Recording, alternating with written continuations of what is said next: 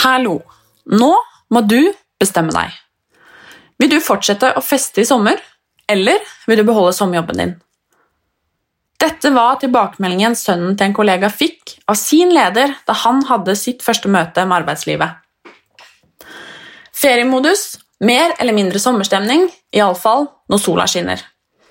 Mange arbeidsplasser var logget av, og noen slumra på halv fart i de stille sommerukene. Samtidig holdt en del bransjer på i samme tempo, og andre var inne i årets mest travle dager. Mange unge tar fatt på sommerjobben. For noen er det aller første møtet med arbeidslivet. Ferieavvikling betyr behov for arbeidskraft. Turnuser er nøye planlagt for å sikre at vakter blir dekket. Vikarer, studenter, ungdom stepper inn og gjør en innsats. På den måten går det rundt i bransjer som bl.a. hotell, restaurant og helse- og omsorgstilbudene i landet. Samtidig skal vi nyte sommerdagene. For mange er alkohol en del av kosen på denne tiden av året.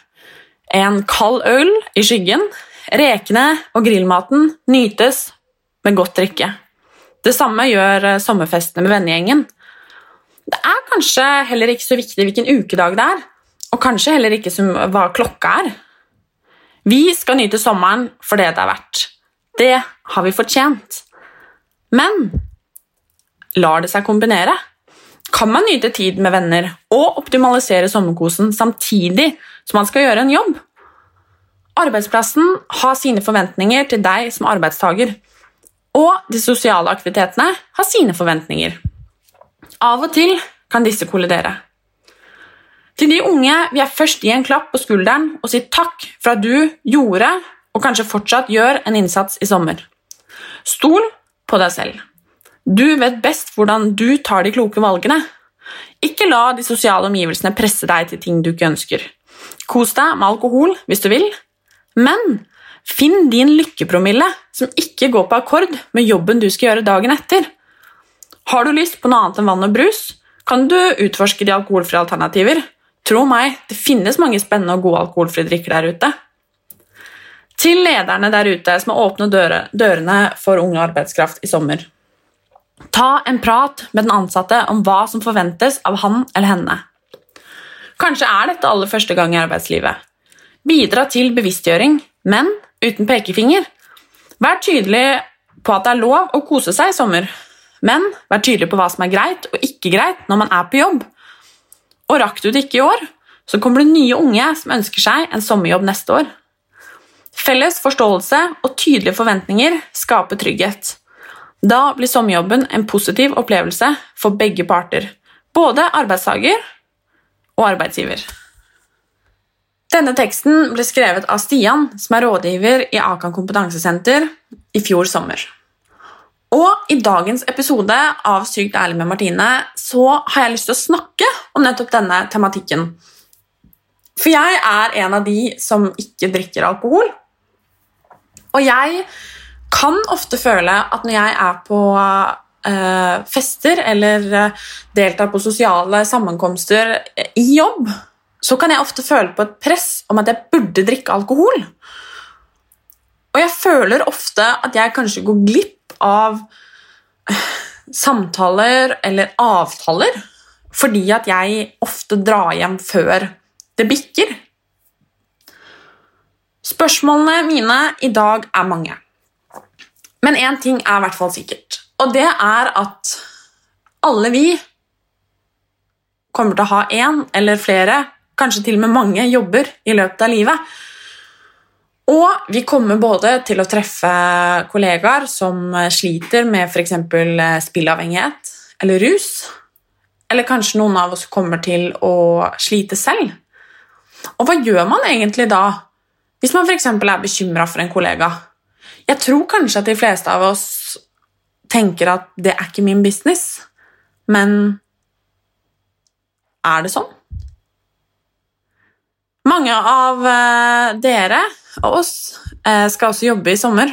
Og det er vanskelig å kombinere det sosiale med, med jobb. For hvor går grensa? Hvor mye kan man drikke? Jeg vet at det er mange som syns at dette er supervanskelig. Og noe sier meg at det kanskje er en del av dere som syns at dette temaet virker litt svevende fram til nå. Og jeg skal være helt ærlig og si at jeg syns det er litt vanskelig å både forstå og ta det innover meg, akkurat dette her. Men noe sier meg at Stian kommer til å gjøre meg ganske mye klokere etter dagens episode.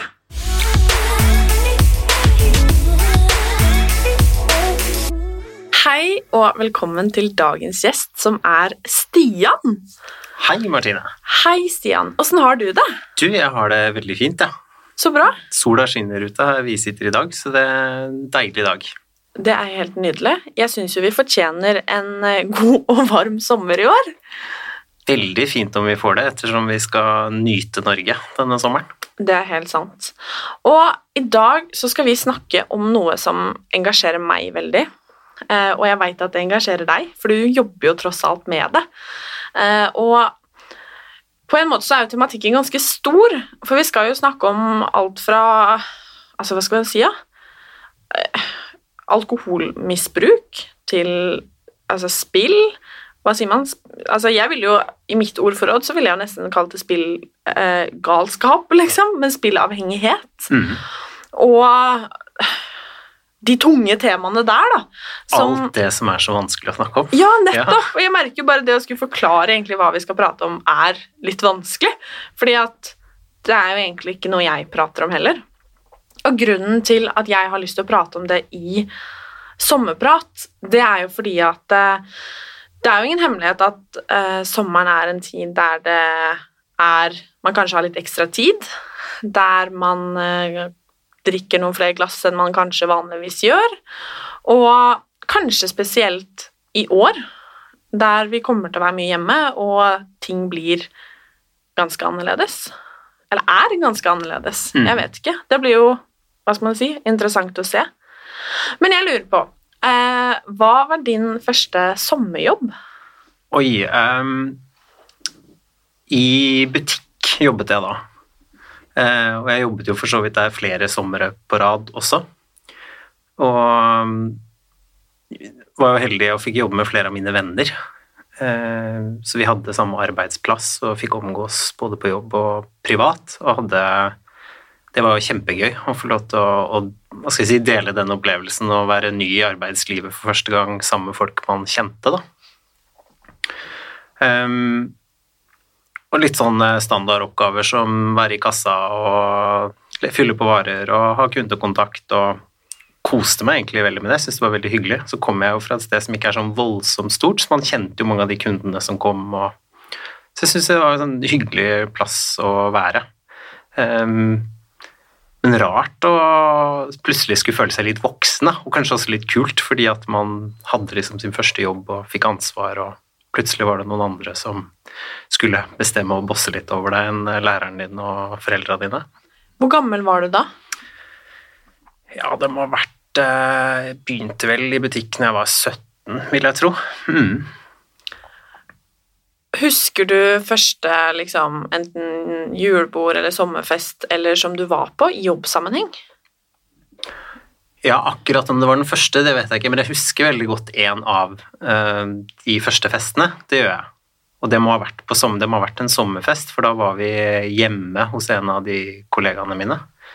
Hvor det var grillfest og låvefest, egentlig. Um, var veldig spent på hvordan det skulle være. Kom på sin første jobbfest. Syns jo det var kjempegøy å få være med på det. Men det er også litt rart når du har noen festdeltakere som du kjenner godt og er på samme alder som deg, og så har du noen som kunne vært foreldrene dine, og til og med noen som kunne vært besteforeldrene dine. da som du nå skal henge med som om de er kompiser, egentlig. Ja, det har du rett i, faktisk. Fordi det er litt det der at når man er på en hva skal man si, tilstelning i jobbsammenheng, om det er ja, sommerfest, julebord, altså afterwork, lønningspils, altså alt hva vi nå kan kalle det, liksom, mm. så skal man på en måte være Det er veldig vanskelig å vite det skillet med å være på en måte profesjonell og kompis. Ja, og jeg tenkte nok ikke så mye på det da. Eh, hvert fall ikke sånn bevisst. Eh, kanskje best opptatt av at eh, dette skulle bli gøy, og var litt spent på hvordan det skulle bli. og eh, ja, litt gøy å kunne bli litt løs i snippen og ha det hyggelig med disse kollegaene som man er med på jobb. Og så hadde vi en veldig vennskapelig tone også på jobb. Det var godt arbeidsmiljø sosialt når vi var på jobben. Så akkurat den overgangen var jo ikke så stor, men uh, det er klart uh, Det var jo første gang jeg skulle feste og drikke alkohol med folk i besteforeldrealder, liksom. Uh, så her og, eller der og da så tenkte jeg nok ikke at det var så veldig annerledes, men jeg har jo tenkt på i ettertid at uh, vi var, og meg selv inkludert, uh, hadde jo en høy promillefaktor utover kvelden, uh, som først og fremst var kjempegøy. Altså det var jo en sosial, hyggelig greie. Um, men jeg har jo tenkt litt over i ettertid om hva f.eks. sjefen min var jo der, og andre kollegaer som ikke drakk. Jeg hadde jo også kollegaer som ikke drakk i det hele tatt. Eh, som uttrykte at de syntes det var ok, men jeg har jo lurt på ettertid om de egentlig syntes det. da. Så jeg burde kanskje egentlig ha spurt dem. når jeg tenker meg om. Mm. Tror du at det er mange som er på ja, jobbfester, da, la oss kalle det det, som drikker alkohol fordi de føler at de burde? Jeg tør nesten påstå at vi vet det, og ikke bare tror det. Mm. Altså, skal ikke jeg nevne masse tall fra undersøkelser, men vi er, på undersøkelsen som blir gjort, så er det jo en del som sier det at de kanskje velger å drikke for å slippe en del spørsmål, selv om de ikke ønsker det. Um, unngå å få disse klassiske spørsmålene om hvorfor man ikke drikker, eller at man, man, opplever det at jo, men jeg må være med på denne festen, og jeg må være med på stemninga for å vise at jeg har lyst til å være en del av det sosiale miljøet, da. Mm. Mm. Tror du at det er Eller man vet jo egentlig kanskje det òg, at det er en del bransjer, blant bl.a. den bransjen jeg er en del av, så er det jo veldig høy alkoholfaktor. Og tror du at en del eh, bransjer og bedrifter kanskje burde snudd litt og hatt et annet fokus, f.eks. med disse bedriftene som eh, hver fredag deler ut champagne til den som har eh, solgt mest eller gjort det best eller et eller annet, liksom. Prestert mm. best, da. Um, for det er jo ikke akkurat uvanlig. Nei, og det um, det er liksom viktig for meg å si, både fra mitt ståsted, men også Akan Kompetansesett sitt ståsted, da, at vi er, vi er, jo ikke en avholdsorganisasjon, og vi, vi, ønsker på en måte ikke alkoholen til livs, fordi vi, det er jo et sosialt glidemiddel som har en del positive ringevirkninger på det å bygge nettverk og relasjoner, og, og folk slapper av, men Eh, jeg tenker at en del virksomheter, og der er nok ikke jeg så veldig sånn opptatt av bransjespesifikke virksomheter, men eh, virksomheter bredt over som kunne hatt godt av å i hvert fall få et litt mer bevisst forhold til hvilke rammer man legger for de sosiale tilstelningene man har. Da. Mm. Eh, kanskje først og fremst sørge for at alkoholen ikke får lov til å spille en hovedrolle i den sosiale aktiviteten, og sørge for at det fins gode alternativer til den alkoholholdige drikken. Mm. Og, det, og der kan jeg bare ta meg sjøl som et eksempel, som varierer mellom å drikke alkohol og ikke drikke alkohol. Og jeg syns det er skitkult å se hvor mye artig, gode, smakfulle alkoholfrie alternativer som har kommet på markedet den siste tiden. Da. Det har vært nesten litt sånn gøy og spennende å dykke litt inn i hva fins der ute. Men, eh, men det har jo ikke gjort at jeg jeg har gått i et sånt avholdsspor. Jeg har ikke sluttet å drikke alkohol, men jeg har blitt mye mer bevisst på at jeg har lyst til å drikke det jeg har lyst på, og av og til så er ikke det alkohol. Og da syns jeg det er kjempegøy å kunne ha noe annet i glasset enn de klassiske brusdrikkene, f.eks., hvor det står nesten alkoholfritt som stempel i panna di. Mm. Der tenker jeg virksomheter kan tørre å være litt mer kreative. Ja, for jeg drikker jo eh, ikke alkohol. Og jeg føler jo ofte på det at det, som du sier, det står edru i panna på meg, egentlig, når jeg er på sånne fester. Selv om jeg eh, både kan danse og le og tulle og alt dette her når jeg er på Ja, om det er en vanlig fest eller jobbfest eller hva den er. Men jeg har jo følt mye på det at jeg burde, fordi at det liksom Det liksom er ja, forventa, da. Mm. Og jeg syns jo at det er superkjipt, og jeg er ganske sikker på at jeg ikke er alene da, om å føle på det her, og det er derfor jeg har lyst til å prate om det. Mm.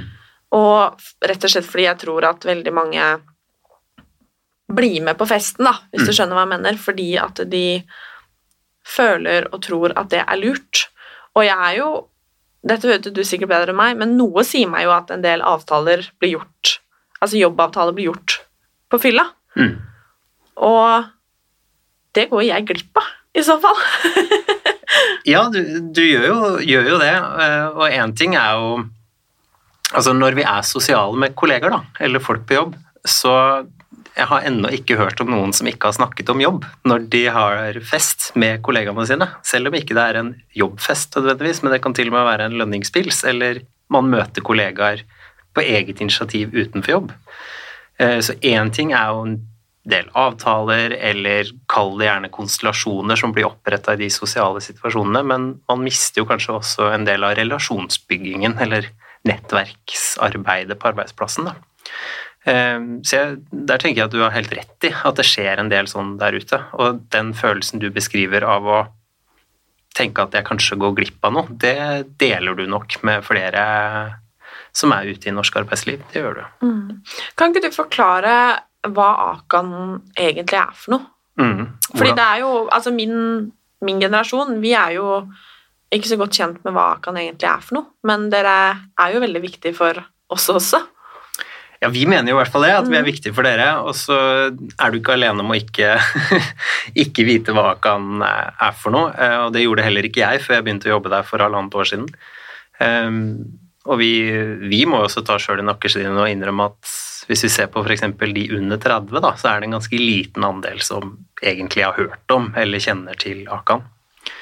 Men det vi eh, gjør, er jo å bistå norske arbeidsplasser og legge til rette for å skape diskusjoner som igjen gir en kultur på arbeidsplassen som eh, gjør det trygt og godt og forutsigbart for alle ansatte, uavhengig av Kall det gjerne alkoholmengde, da, for det er det vi har begynt å snakke om. Men vi jobber jo da med rus- og eh, spillproblematikk i arbeidslivet. Eh, og primært forebyggende. Altså vi ønsker at arbeidsplassene skal ha et bevisst forhold og en tydelig holdning til hva som er greit og ikke greit, knytta til dette med alkohol, andre rusmidler og spill. Eh, sånn at eh, det gir en tydelig forventningsavklaring overfor meg som ansatt, men også at jeg vet hva slags konsekvenser det får hvis jeg bryter dem, da. Så den forebyggende biten er vi jo veldig opptatt av. Vi jobber mye med kultur. Og så er det jo ikke sånn at vi klarer å fange opp alle de som kanskje får et problematisk forhold til alkohol og rusmidler. Um, og arbeidsgiver har jo utgangspunktet ikke noe med det før det da begynner å gå utover f.eks. sikkerheten på jobb, eller arbeidsmiljøet som blir forsura, eller det kanskje går utover fravær. Eller omdømme, ikke minst. Altså virksomheter som jobber innenfor salg og avhengig av kunder. Kjempeviktig å ha et godt omdømme. Eh, Så da tenker vi jo at arbeidsplassene skal kunne reagere på det. Og de som utvikla, som utvikler problemer, der ønsker vi at virksomhetene skal ha en holdning hvor de først ser på muligheten for å hjelpe.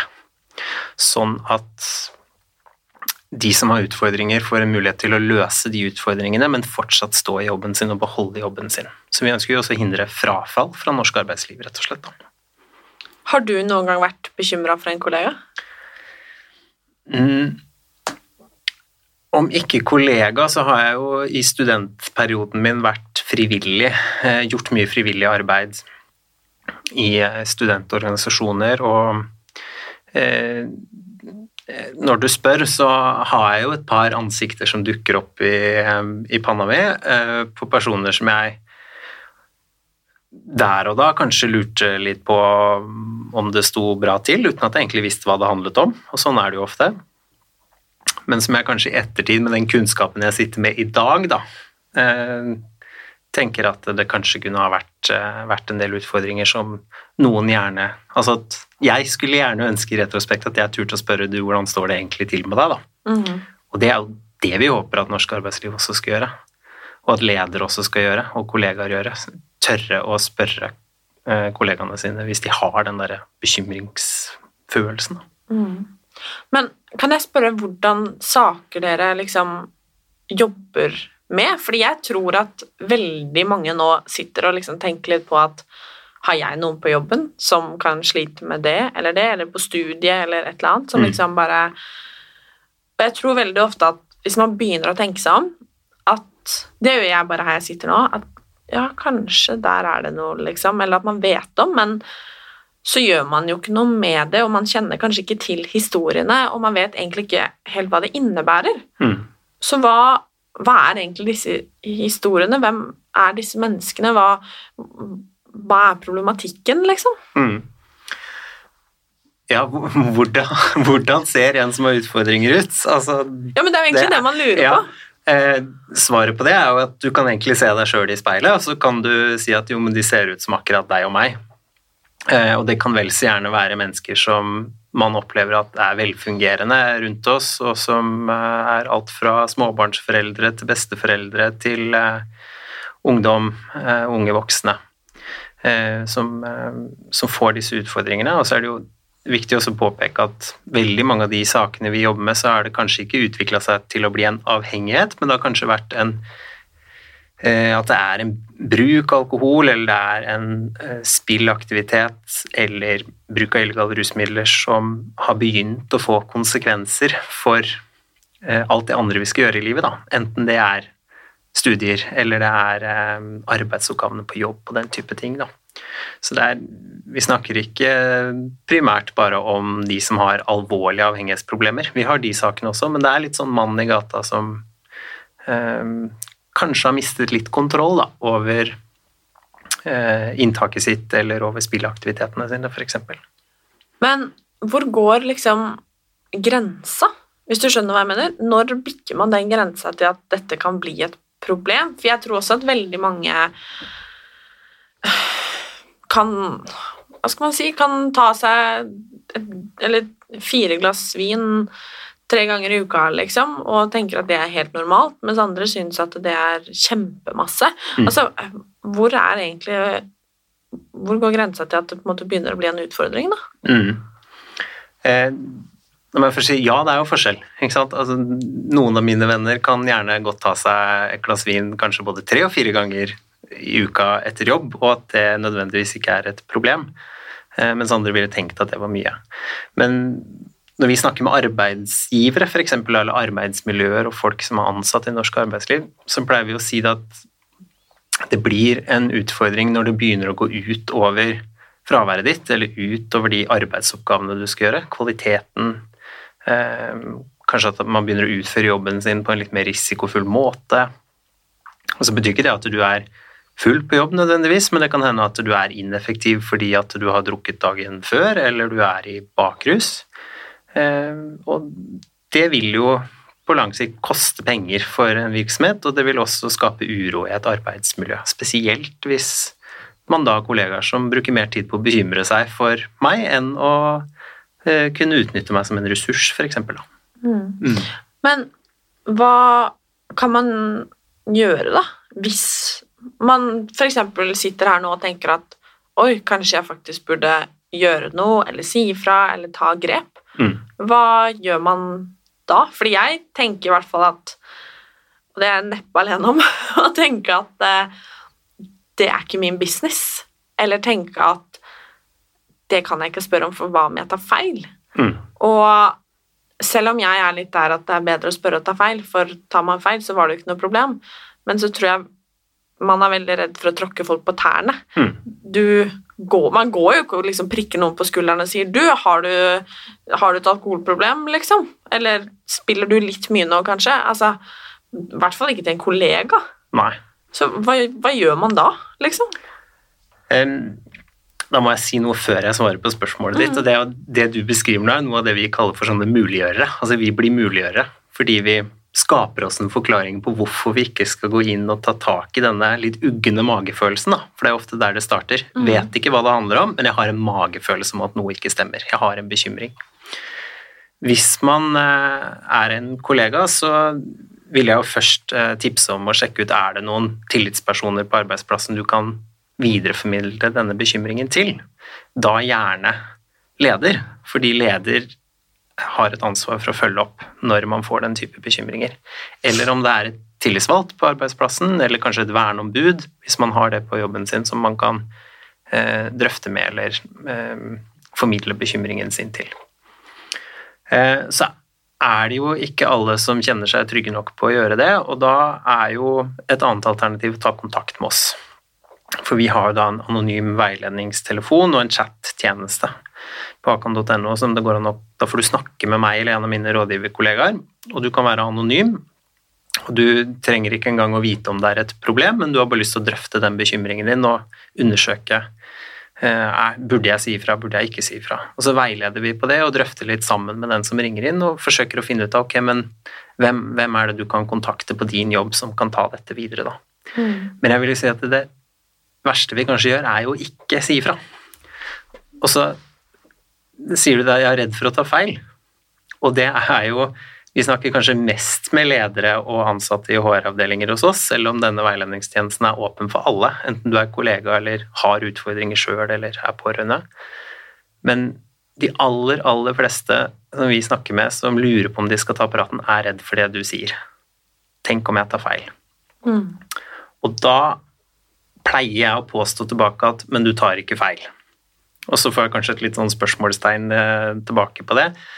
Men eh, det vi mener med det, er at bekymringen din kan ikke den andre ta fra deg. Ja, det kan godt hende at du ikke har en grunn til å bekymre deg, men det at du er bekymra, det tar du ikke feil på. Eh, og så kan du jo tenke deg, hvis du ikke sier ifra, hvis du blir den muliggjøreren som ikke løfter opp bekymringen din, så kan det jo i verste konsekvens være sånn at dette mennesket du er bekymra for, får lov til å utvikle et problematisk forhold til rus eller spill over lang tid, som igjen kan bli til et avhengighetsproblem. Så jo tidligere vi kan komme inn, jo bedre. Mm. Men altså Hva gjør man hvis man Altså, nei, jeg vet ikke. Dette syns jeg faktisk er ganske vanskelig. Ja, Men er det ikke gøy med litt vanskelige temaer, da? Jo, men det er jo det, for dette er liksom ikke noe man man tenker på Nei. sånn i hverdagen. Og så bare jeg sitter her nå, så begynner, jeg, begynner det å poppe opp, liksom, som du sa, fjes eller ansikter mm. i hodet mitt, og så blir jeg sånn Shit, burde jeg egentlig gjort noe der? Burde jeg sagt noe der? Burde jeg Ja, et eller annet, liksom. Mm. Og så kan jeg nesten sitte her nå og tenke at oi, det burde jeg kanskje gjort. Bare med den lille kunnskapen mm. du liksom har servert meg her nå, da. Mm. Men så kjenner jeg jo selv også at nei, man sier ikke noe fordi at man man er redd, da. Mm. Og det Når du sier det du sier nå, det er jo Selvfølgelig er det det riktige, og jeg kan jo nesten kjenne at jeg blir flau for å føle at Nei, jeg burde ikke mm. Liksom.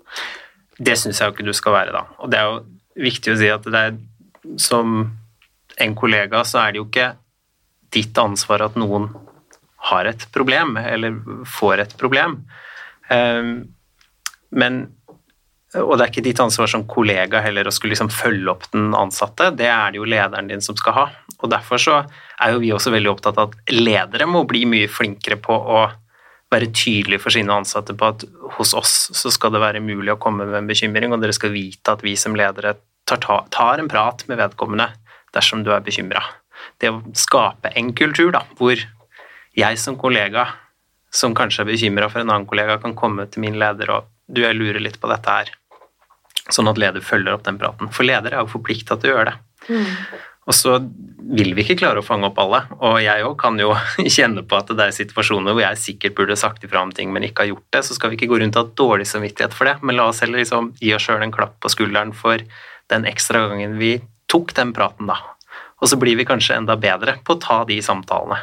Mm. Men der tenker jeg jo at i arbeidslivet i hvert fall, så er jo en forutsetning for at vi skal få til det, det er jo at vi sammen har eh, en bevissthet og blitt enige om noen slags kjøreregler eller rammer for hvordan det skal være hos oss. Da.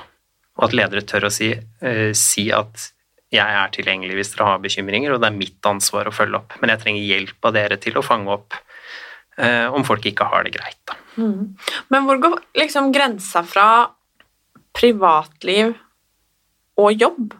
Fordi jeg tror også veldig mange, og jeg tar meg selv i også å tenke her at ja, men at noen kanskje velger å drikke fredag, lørdag, søndag, det er ikke min business, fordi det er, det er ikke på jobben. Det forstyrrer ikke meg, på en måte. Mm. Så hvor går grensa på privat og jobb, da? Mm. Nei, da, og da er vi jo litt tilbake til eh, i det momentet ditt inntak av rusmidler får konsekvenser, eller kan få konsekvenser for fravær, arbeidsutførelsen din, eller atferden din på jobb, eller omdømmet til virksomheten, så har man krysset en grense hvor man som arbeidsgiver eh, tenker vi kan ta en prat med vedkommende og si noe om at dette er ikke greit, ikke sant? Um, og så er det ikke noen klare grenser på mengde, eller eh, hvor ofte. Men det handler jo rett og slett om at det skal ikke gå utover det ansvaret du har på jobben din, da. Eller det ansvaret du har i livet ditt generelt, for å ta den biten av det også. Det kan jo gå utover pårørende og familie også, dette. Eh, og man kan jo også på en arbeidsplass eh, oppleve at det er kanskje ikke den med problemet sjøl som er ansatt hos deg, men det er kanskje en pårørende, en, eh, en i nær familie som har noen som sliter, og de kan jo også få eh, oppleve å kanskje få økt sykefravær eller få en endret atferd. da. Mm. Mm. Jeg tenker på kanskje spesielt unge mennesker eh, som f.eks. har sommerjobb, Mm. eh, eller deltidsjobb, eller hva det nå er. Og jeg kjenner jo flere og har vært i flere situasjoner der man f.eks. har vært på byen fredag kveld, og man har uh, herja og drukket f.eks. masse, kanskje til og med tatt sterkere saker, ikke sant, og Mm. vært ordentlig påvirka. Og så har man dratt på jobb på lørdagsmorgenen eh, fordi det går fint. Mm. Man skal liksom kombinere de to delene, da. Og jeg tror også veldig mange som f.eks. har sommerjobb, tenker at ok, men det er sommerferie, man har lyst til å være med på det sosiale, man eh, fester, man holder på som man egentlig vil, eh, og så kommer mange litt sånn på halv tolv på jobb, egentlig. Mm. Ehm, hva, hva tenker du egentlig om det? Jeg tenker jo kanskje først og fremst at jeg forstår det veldig godt. Eh, Jeg nevnte jo dette med min jobb i butikk, og at jeg jobbet sammen med nære venner av meg eh, på min første jobb. Og jeg husker jo veldig godt situasjoner hvor vi hadde jo ulike vakter og ulike skift i butikken, og eh, det var jo situasjoner der hvor jeg f.eks. skulle jobbe dagen etter, men mine venner på samme arbeidsplass hadde fri dagen etter, sånn at de skulle feste og ha det gøy, og jeg syns jo det var kjempekjipt å ikke kunne være med på festen på samme måte. Um, men eh, jeg tenker det også er en litt sånn der læringsgreie av å skulle ut i sin, sin første jobb. Da. Det der å få en første erfaring med at nå har jeg plutselig en arbeidsgiver som stiller noen forventninger og krav til meg. Ehm, og der tenker jeg at uh, vi, vi som uh, vi som da er ansatte, eller de av oss som kanskje skal ut i en første, første jobb eller ha sin første sommerjobb, uh, vær litt kul og tørre å utfordre lederen din og spør hva, hvilke holdninger har denne arbeidsplassen til alkohol og rus. Så er det tøft å spørre om, men jeg tror jo at det vil gagne arbeidsplassen veldig mye. Og der tenker jeg unge som i dag på veldig mange områder har vært med å åpne opp for at vi kan snakke om ting som er utfordrende. Eh, På psykisk helse så ser vi det i veldig stor grad, at unge er flinke til å sette ord på det, og du er jo et eksempel på en som tør å sette ord på, på det som kanskje er litt sårt og vanskelig å snakke om. Eh, Der tenker jeg at unge, dere, unge har en unik mulighet da, til å sette litt sånn agendaen også inn i norsk arbeidsliv og være med å forme den kulturen man ønsker. da. Eh, Du nevner det der med illegale rusmidler, og det er klart at, eh, eller sterkere stoffer, var vel det du sa. Mm. Og det er klart at alkohol er jo et lovlig rusmiddel, og som vi kan nyte og få lov til å nyte, og det er en for veldig mange en naturlig del av det sosiale miljøet på arbeidsplassen. Eh, Men for en arbeidsgiver så er det nok kanskje lettere å sette strengere grenser for dette med illegale rusmidler, da. Og da eh, eh, er det ikke uvanlig Jeg har vært mye ute nå i det siste og snakka med en del unge ansatte. fordi at, som jeg sa, vi, vi må jobbe for å gjøre Akan aktuelt også for unge, og gjøre det kjent. Eh, og vi har jo fått en del spørsmål om ja, men skal jobben mene noe om om jeg f.eks. røyker litt på, i helga, så lenge jeg kommer på jobb på mandag morgen, f.eks. Det lurer jeg også på, liksom. Ja, og jeg skjønner godt at folk lurer på det, og det handler jo litt om hva slags egne hva skal jeg si, grenser og holdninger man har til det. Men som ansatt i en virksomhet så representerer du jo de holdningene som arbeidsgiveren din har. Ehm, og da, hvis arbeidsgiver opplever det som kanskje en belastning for omdømmet, hvis man eh, Si at man finner ut da, at eh, virksomhet AS har en ansatt som bruker illegale rusmidler, og som kanskje samtidig kjører tjenestebil med logoen til denne virksomheten på, så vil kanskje ikke virksomheten være kjent med det, da. Og igjen, arbeidsgiver må være tydelig på hva de mener, men jeg tenker at man også kan ta en dialog med sin arbeidsliv generelt på hva slags grenser som ligger der. Og hvis du har lyst til å fortsette å røyke hasj, da, eh, og arbeidsgiveren din ikke syns det er greit, så ok, men da er det jo til syvende og sist også ditt valg om dette er en arbeidsplass som passer for deg, da, hvis du ønsker å fortsette med, med de illegale rusmidlene. Men eh, det er nå engang sånn at det enn så lenge er illegalt, og da er det jo ikke bare arbeidsgiveren din som gir deg eh, hva skal jeg si, at det får konsekvenser hos arbeidsgiveren din, men det kan jo også få andre konsekvenser, da. Men det er jo ikke greit å komme berusa på jobb. Nei, det er jeg helt enig i. Altså, jeg bare tenker sånn Og jeg, jeg husker veldig godt, eh, det har jo vi snakka om, eh, at for en tid tilbake så var jeg på et utested. Det begynner faktisk å bli en liten stund siden nå, for da har det ikke utestedene vært oppe på en stund. Men da var jeg på et utested og var på toalettet sammen med Eller jeg sto og vaska hendene, eller hva jeg holdt på med, jeg husker ikke, og så var det en jentegjeng der. Da hun ene hadde tenkt å dra hjem, for hun skulle på jobb dagen etterpå. Men der de andre sier liksom Nei, men bli, da. Altså bare Kan du ikke bare ja, bli en time til, liksom? Det går bra. Og hun bare Nei, jeg skal på jobb. Um, der de Der hun ene sier at herregud, det gjør jo ikke noe om du er litt skeiv i skøytene, liksom, når du kommer på, kommer på, jobb. Det har jeg vært mange ganger. Mm. Eh, og så ender det opp med at hun jenta ja, ok, jeg blir litt til.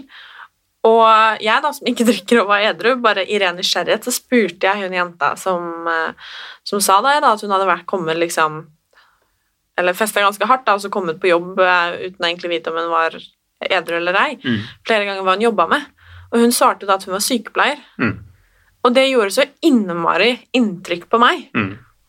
For jeg bare tenkte ja, men herregud, jente, du har jo ansvar for liv, liksom. Mm. Uh, og på den tiden så hadde jeg en som jeg var ganske glad i, som lå på sykehus. Og så tenkte jeg ja, men tenk om det er du som kommer på, på jobb, da. Mm. Også fordi du ikke er 100% klar og til stede, så gjør du en feil. Mm. Som på en måte Altså, man har jo så ufattelig stort ansvar. Så jeg husker at det gjorde sånn inntrykk på meg, så for meg så er jo det helt helt fjernt, liksom. Mm. Og det jeg egentlig lurer på da, er tror du at en del kanskje har et litt sånn hva skal man si, holdningsproblem der? Fordi at for meg så Som sagt, hva du gjør på privaten, det får bli på privaten, liksom, men jeg også er jo veldig der at det kan jo ikke gå utover Altså, herregud, er du sykepleier, så skal du jo komme mm. edru på jobb, er jo egentlig hele poenget mitt, liksom. Ja, om jeg skal kalle det et generelt holdningsproblem, det er jo kanskje eh, Jeg vil ikke ha det på meg, men jeg tenker kanskje at det handler litt om at vi egentlig aldri har satt oss ned og reflektert over og gjort oss sjøl bevisst på hva slags potensielle konsekvenser det kan få, da, dersom jeg kommer eh, enten bakfull eller ineffektiv på jobb. Og som du sier spesielt i den historien din med sykepleiere, de er jo til og med underlagt et eget lovverk som regulerer Eh, altså De skal jo eh, ha eh, skal jo da ikke drikke inn en viss tid før de skal på jobb osv. Og det er, jeg blir overrasket over hvor mange, også innenfor helsesektoren, som kanskje har glemt litt at det ligger i lovverket deres. da.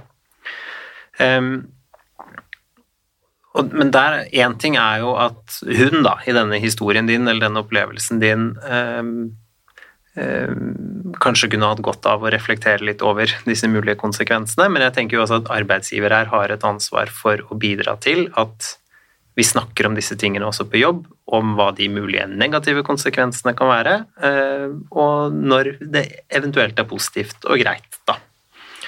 Um, og så må jeg jo si at uh, den jeg i historien din som jeg kjenner mest for, er jo denne venninnen eller kollegaen som ved flere anledninger da er tydelig på at jammen, jammen, jammen, jeg skal på jobb, eller mm. jeg må hjem, eller jeg kan ikke. Altså den eh, Om man skal kalle det et press, eller om man skal kalle det en forventning i det sosiale miljøet, da, så er det Det er jo tøft å stå i de egne valgene, og hun valgte jo å bli der.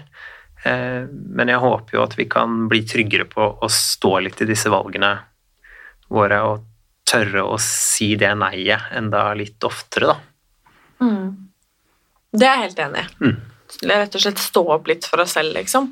Selv om det er ganske vanskelig, for man har jo ikke lyst til å være den derre kjipe. Og jeg har vært den kjipe så mange ganger, og ja, det føles jo bare kjipt, liksom. Å være hun som bare Nei, sorry, jeg kan ikke, eller nei, sorry, jeg vil ikke. Og spesielt jeg, da, som egentlig ikke drikker i det hele tatt, og liksom er sånn Nei, jeg vil ikke ha ellers takk, liksom. Mm.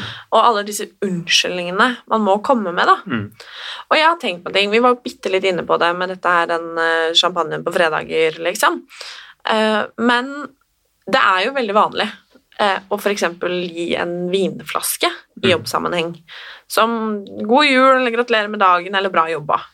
Og det har jeg også sagt til deg før, men et år så fikk pappa over 30 vinflasker i julegave.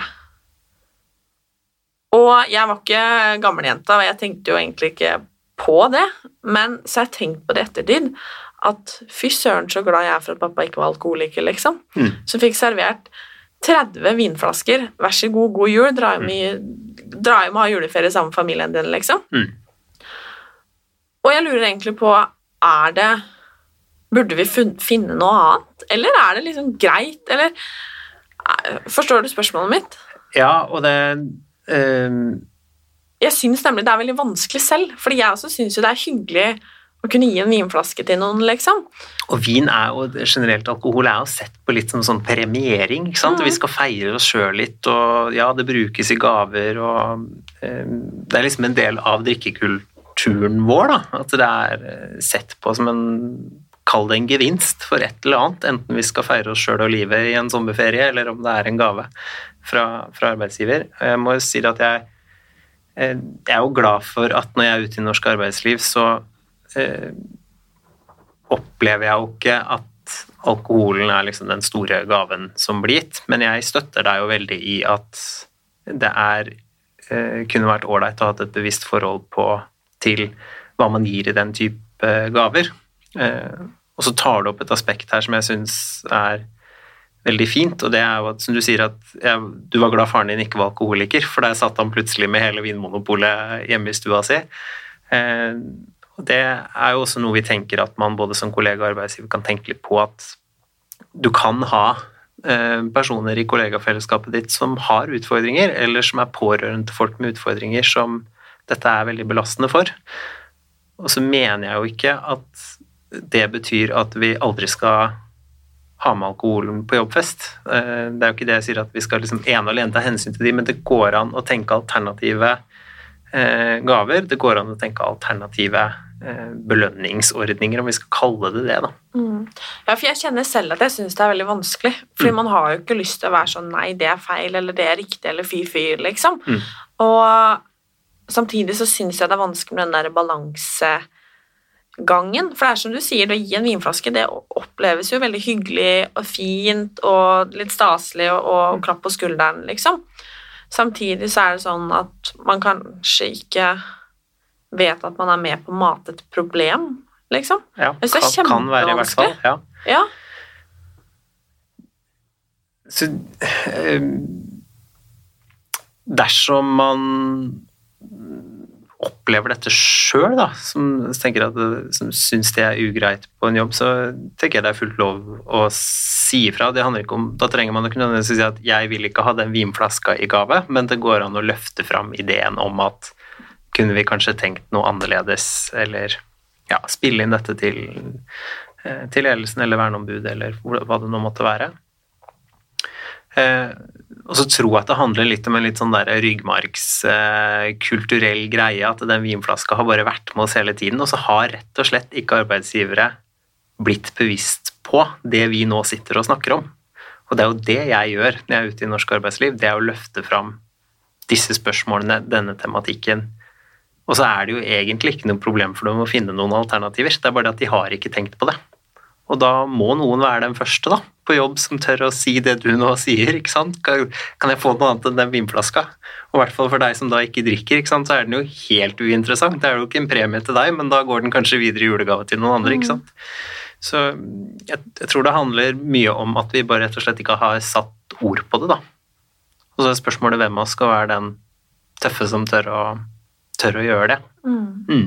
Og det lurer jeg litt på om for det sitter garantert noen nå og enten føler på dette, om vi skal kalle det det presset, eller kanskje har lyst til å si fra, men syns at det er skummelt å si fra. Kanskje man er i en bransje man ikke kan si fra. Man er kanskje redd for å havne utenfor. ikke sant? Det er så vanvittig mange grunner til å ikke gjøre noe, da. Mm. Til å bare bli sittende og bite det i seg og tenke at ok, sånn her er det bare. Mm.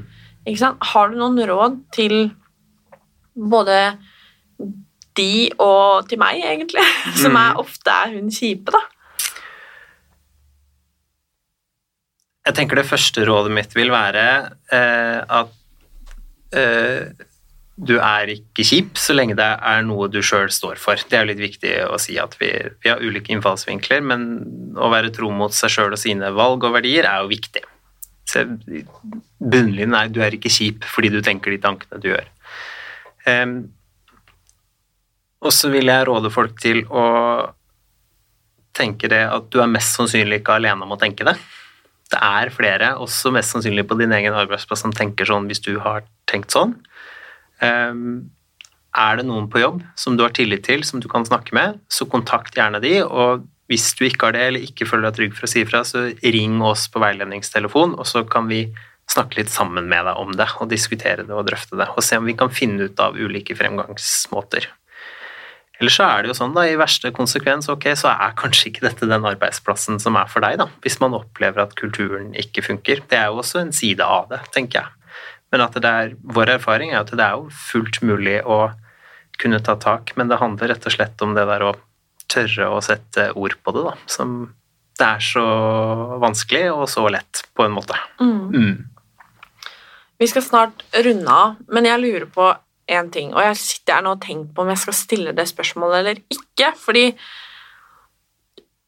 det spørsmålet jeg egentlig har lyst til å stille, er liksom ok, hva gjør man hvis man har et problem selv? Samtidig så sitter jeg og tenker at det, veldig ofte hvis man har et problem selv, så tror jeg for det første at man, man er nok bevisst på det innerst inne, eller kanskje man er kjempebevisst på det, jeg vet ikke, men man vil jo kanskje ikke ha hjelp. Fordi det skal jo ganske mye til for å komme til det punktet at ok, nå, dette må jeg bli kvitt, på en måte, dette problemet. Men er det noen som tar kontakt med dere, eller som dere snakker med, som faktisk skjønner at ok, jeg har et problem med enten den eller den andre? Det er det. Ja. Det er ehm, Det er også en del som ringer til oss som har utfordringer sjøl. Um, ehm, og da er det ofte sånn fordi at de kanskje har googlet litt, da, og så har de Kanskje har det vært noen situasjoner på jobb som gjør at eh, arbeidsgiver har snakket med de allerede. ikke sant? Og ok, har jeg brent alle broer nå, og er det ha det bra og sparke og fyken på døra, eller fins det muligheter for meg? Um, og de eh, forteller jo ganske alvorlige historier for oss, og det er jo gjerne familier rundt som det har fått konsekvenser for. og Kanskje har de mistet lappen og har en jobb hvor de er helt avhengig av bil. Ok, nå har jeg driti meg skikkelig ut, hva gjør jeg nå? Eh, vår oppfordring til dem er jo å tørre å gjøre seg sårbar og legge kortene på bordet for sin arbeidsgiver.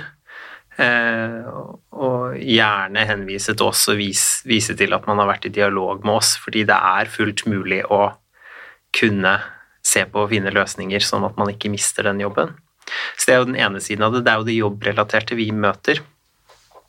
Men om man da ikke ringer til oss, så er jo kanskje liksom det første rådet, og mitt første bud er jo finn noen du stoler på som du kan snakke med.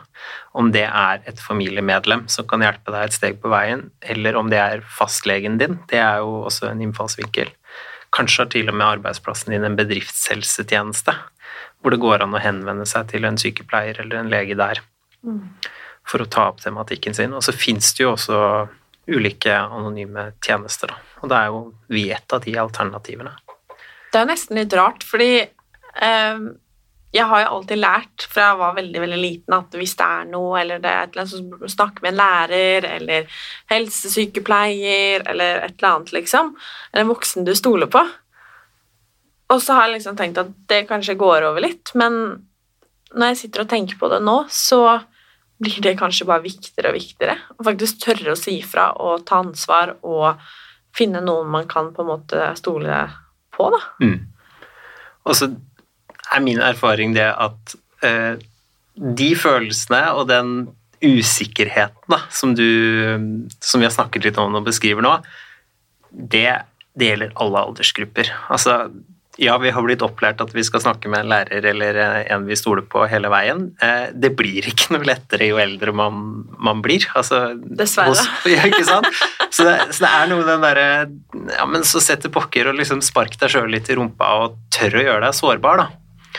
Eh, og der må jo jeg si at når jeg snakker med unge i norsk arbeidsliv om denne tematikken, så syns jeg de er eh, kanskje enda rausere med å åpne opp for ulike synspunkter og holdninger og ha en god diskusjon rundt det, enn å på en måte ha tatt et bestemt valg på forhånd og eh, svare de rette tingene osv. Eh, som jeg kanskje kan oppleve hos de som er litt eldre i arbeidslivet. Da. Og det syns jeg er veldig spennende, og det håper jeg jo at unge folk eh, velger jeg å kalle meg sjøl ung òg, fordi at i et arbeidslivsperspektiv så er jo det her jeg sitter som 31-åring.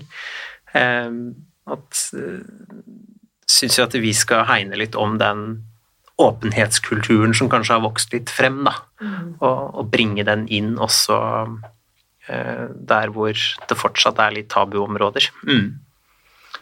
Så hvis vi skal konkludere nå, så er det egentlig at vi må tørre å prate sammen. Mm. Ta praten, rett og slett. Ja, og være åpen tolerant og kanskje være tøff nok til å både stå opp for seg selv og for andre. Syns jeg var en uh, veldig god oppsummering, ja, Martine. Martina. Takk.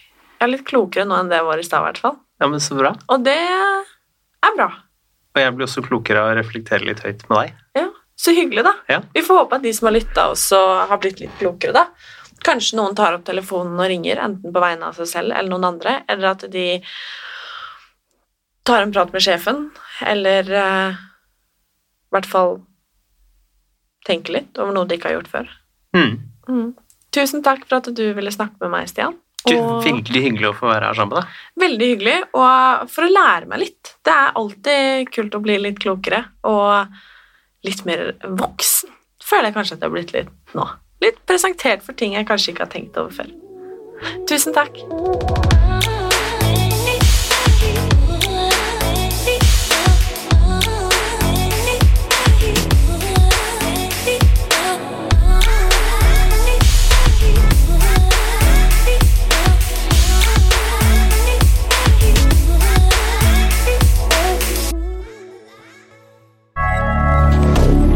moderne media.